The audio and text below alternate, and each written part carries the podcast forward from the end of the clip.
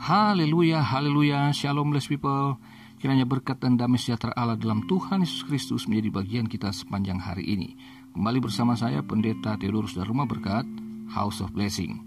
Tema kita hari ini adalah bekerja itu sangat menyenangkan. Firman Tuhan terambil dari Kejadian pasal 2 ayat 3 ayat 7 sampai ayat 17. Begini firman Tuhan.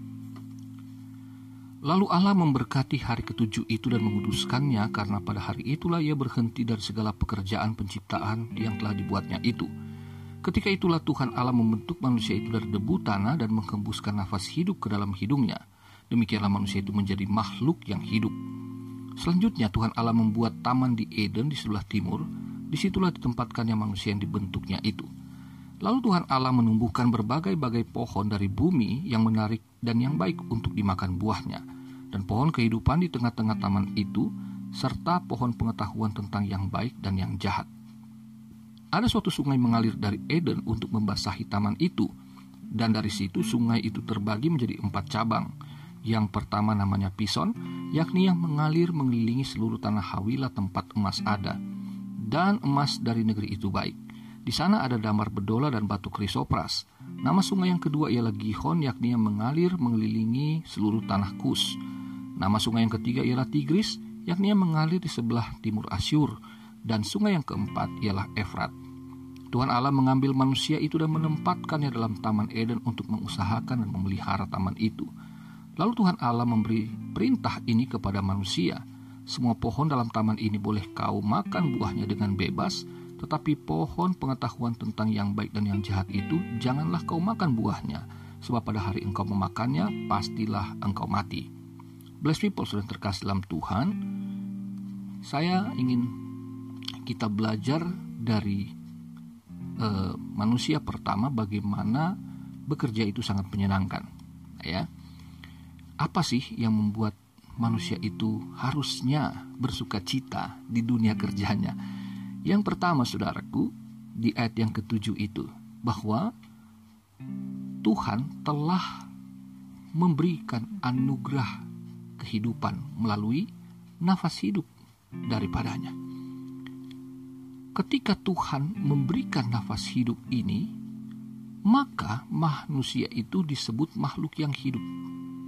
Itu berarti dia menjadi makhluk yang dapat beraktivitas. Tuhan telah merancang manusia untuk beraktivitas dalam artian bekerja sebagaimana Allah bekerja. Karena manusia dirancang oleh Allah untuk segambar dengan dia. Perhatikan di ayat di pasal 1 ayat 26 sampai 28 itu bahwa manusia ditetapkan oleh Allah untuk menguasai bumi. Bagaimana bisa menguasai bumi kalau tidak bekerja? Nah, saudara perhatikan bahwa yang paling sederhana, yang paling mendasar, kita tuh harus sadar ya, bahwa karena Tuhan telah menganugerahkan napas kehidupan, maka kita punya kesempatan untuk bekerja. Bagaimana mungkin kita tidak menikmatinya?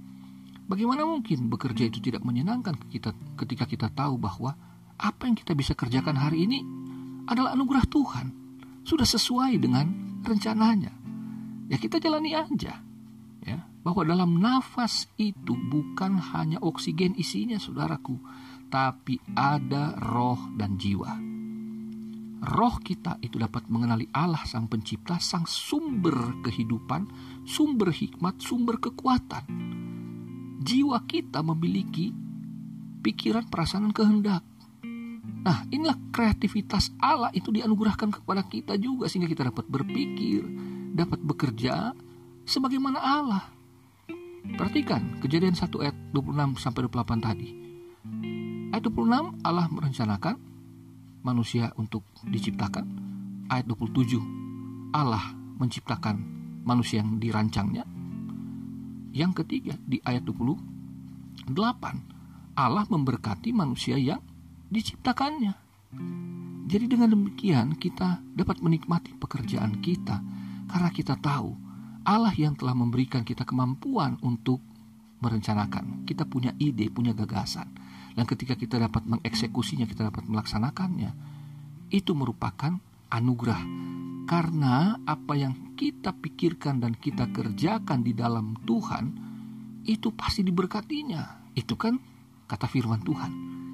Nah, yang kedua saudaraku, kita dapat menikmati pekerjaan kita bahwa pekerjaan itu eh, bahwa bekerja itu menyenangkan. Yang kedua di ayat 8 itu bahwa Tuhan membentuk kita untuk ditempatkan pada posisi yang sesuai kehendaknya.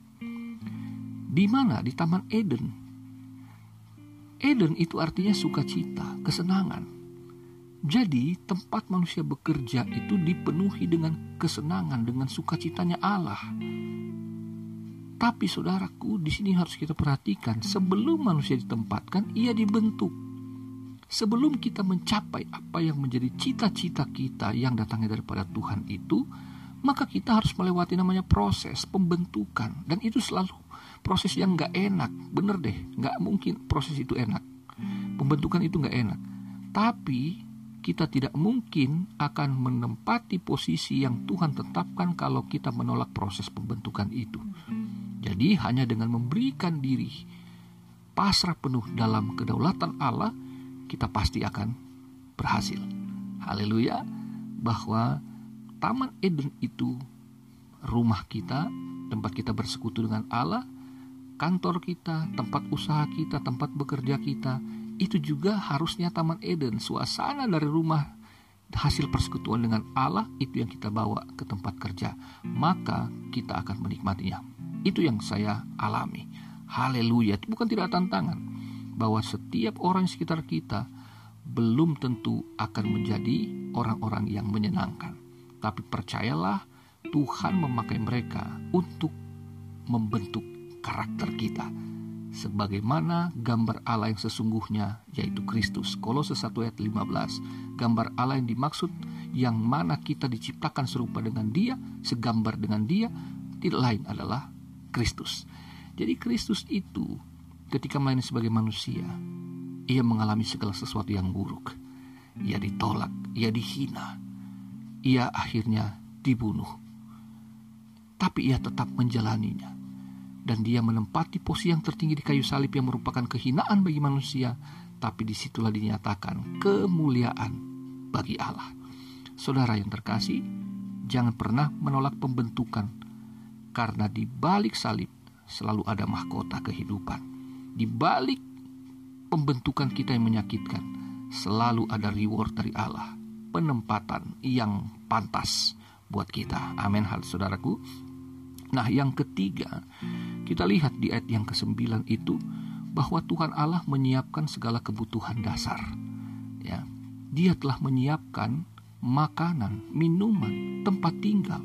Taman Eden kan bukan hanya tempat kerja tapi tempat tinggal manusia. Dia telah menyiapkan segala sesuatunya sebelum manusia ada.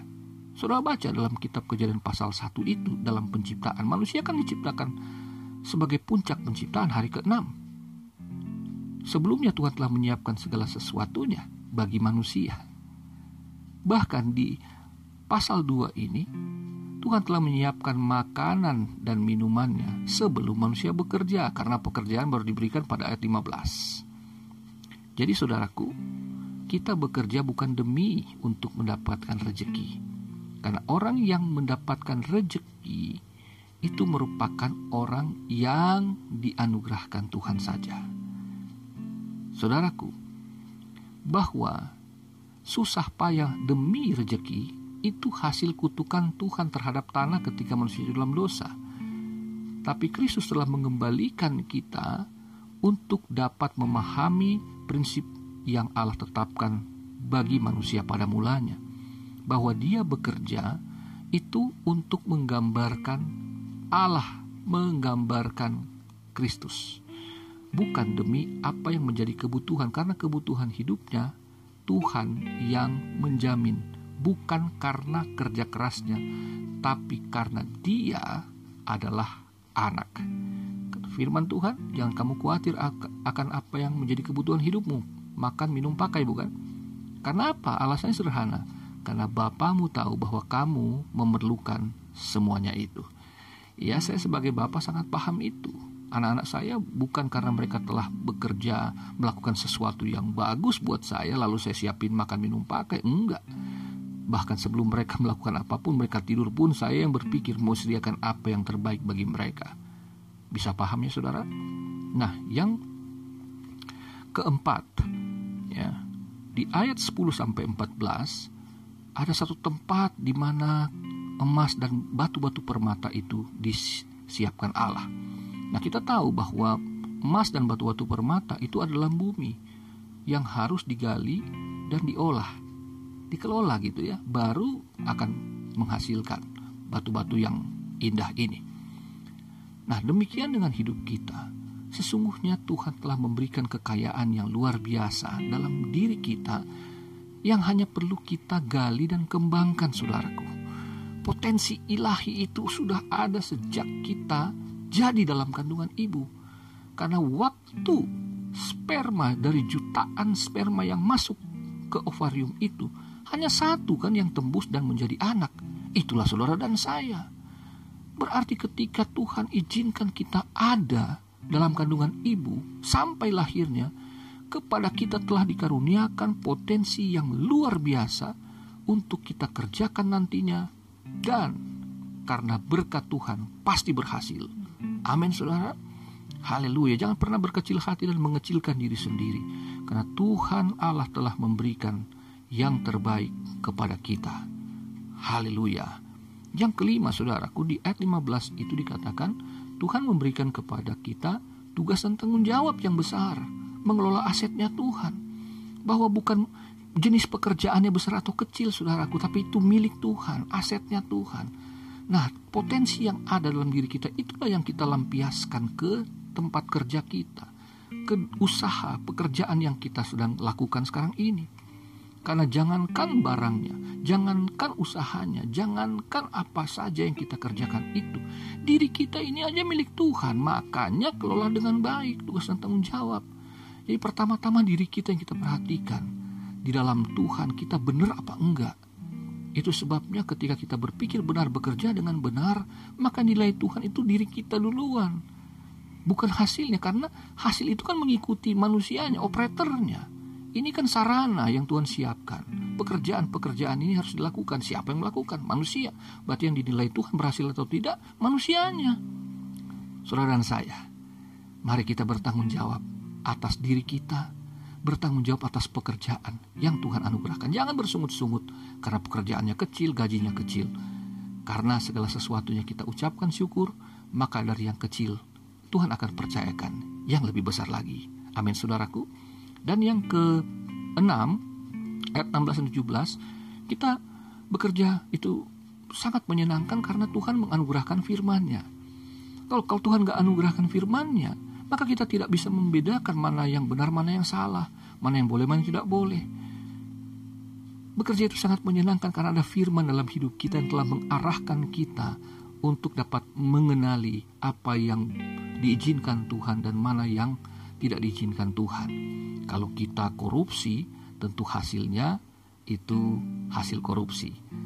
Yang dilarang Tuhan, hasilnya pun pasti dilarang Tuhan, tidak boleh dimakan. Tapi apa pun pekerjaan kita meskipun kecil, sederhana, hasilnya tidak besar, tidak banyak. Tapi kalau itu pekerjaan yang benar, yang halal, hasilnya pun dapat dinikmati. Karena hasil dari pekerjaan yang benar bukan hanya menyehatkan tubuh jasmani, tapi menyehatkan manusia rohani kita juga. Amin, saudaraku. Dan yang terakhir, di ayat yang ketiga itu, Tuhan menganugerahkan hari sabat, hari beribadah. Nah, saudara, bekerja itu menyenangkan karena Tuhan telah menganugerahkan hari libur. Hari di mana kita dapat bersekutu bersama-sama dengan umat Tuhan lainnya. Jadi ketika kita datang kepada Tuhan, di gereja itu sama-sama tuh setiap orang sesuai sedang mengucap syukur karena sepanjang minggu yang berjalan dalam susah payah itu Tuhan telah memberkati kita. Amin saudaraku bahwa uh, hari Minggu atau hari Sabat, hari Sabtu buat uh, umat Advent, itulah hari terakhir kita menyelesaikan setiap aktivitas kita. Tetapi sesungguhnya hari ketujuh itu hari permulaan, bukan hari pertama ya, hari mulanya kita disiapkan Tuhan dengan berkatnya untuk kita memasuki minggu yang baru dalam kita melakukan aktivitas. Jadi Tuhan begitu baik sebelum kita melangkah dia telah membackup kita. Lihat prinsip penciptaannya. Manusia diciptakan setelah Tuhan menyediakan segala sesuatunya. Dalam bekerja pun demikian, sebelum kita bekerja dari Senin sampai Sabtu, Tuhan telah memberkati kita lebih dulu di hari Minggu. Perhatikan ya, hari Minggu sesungguhnya itu hari yang dulu yang permulaan, bukan hari yang ke, yang ke, eh, apa namanya terakhir, hari yang pertama, hari permulaan ya di mana kita akan menjalani kehidupan berat.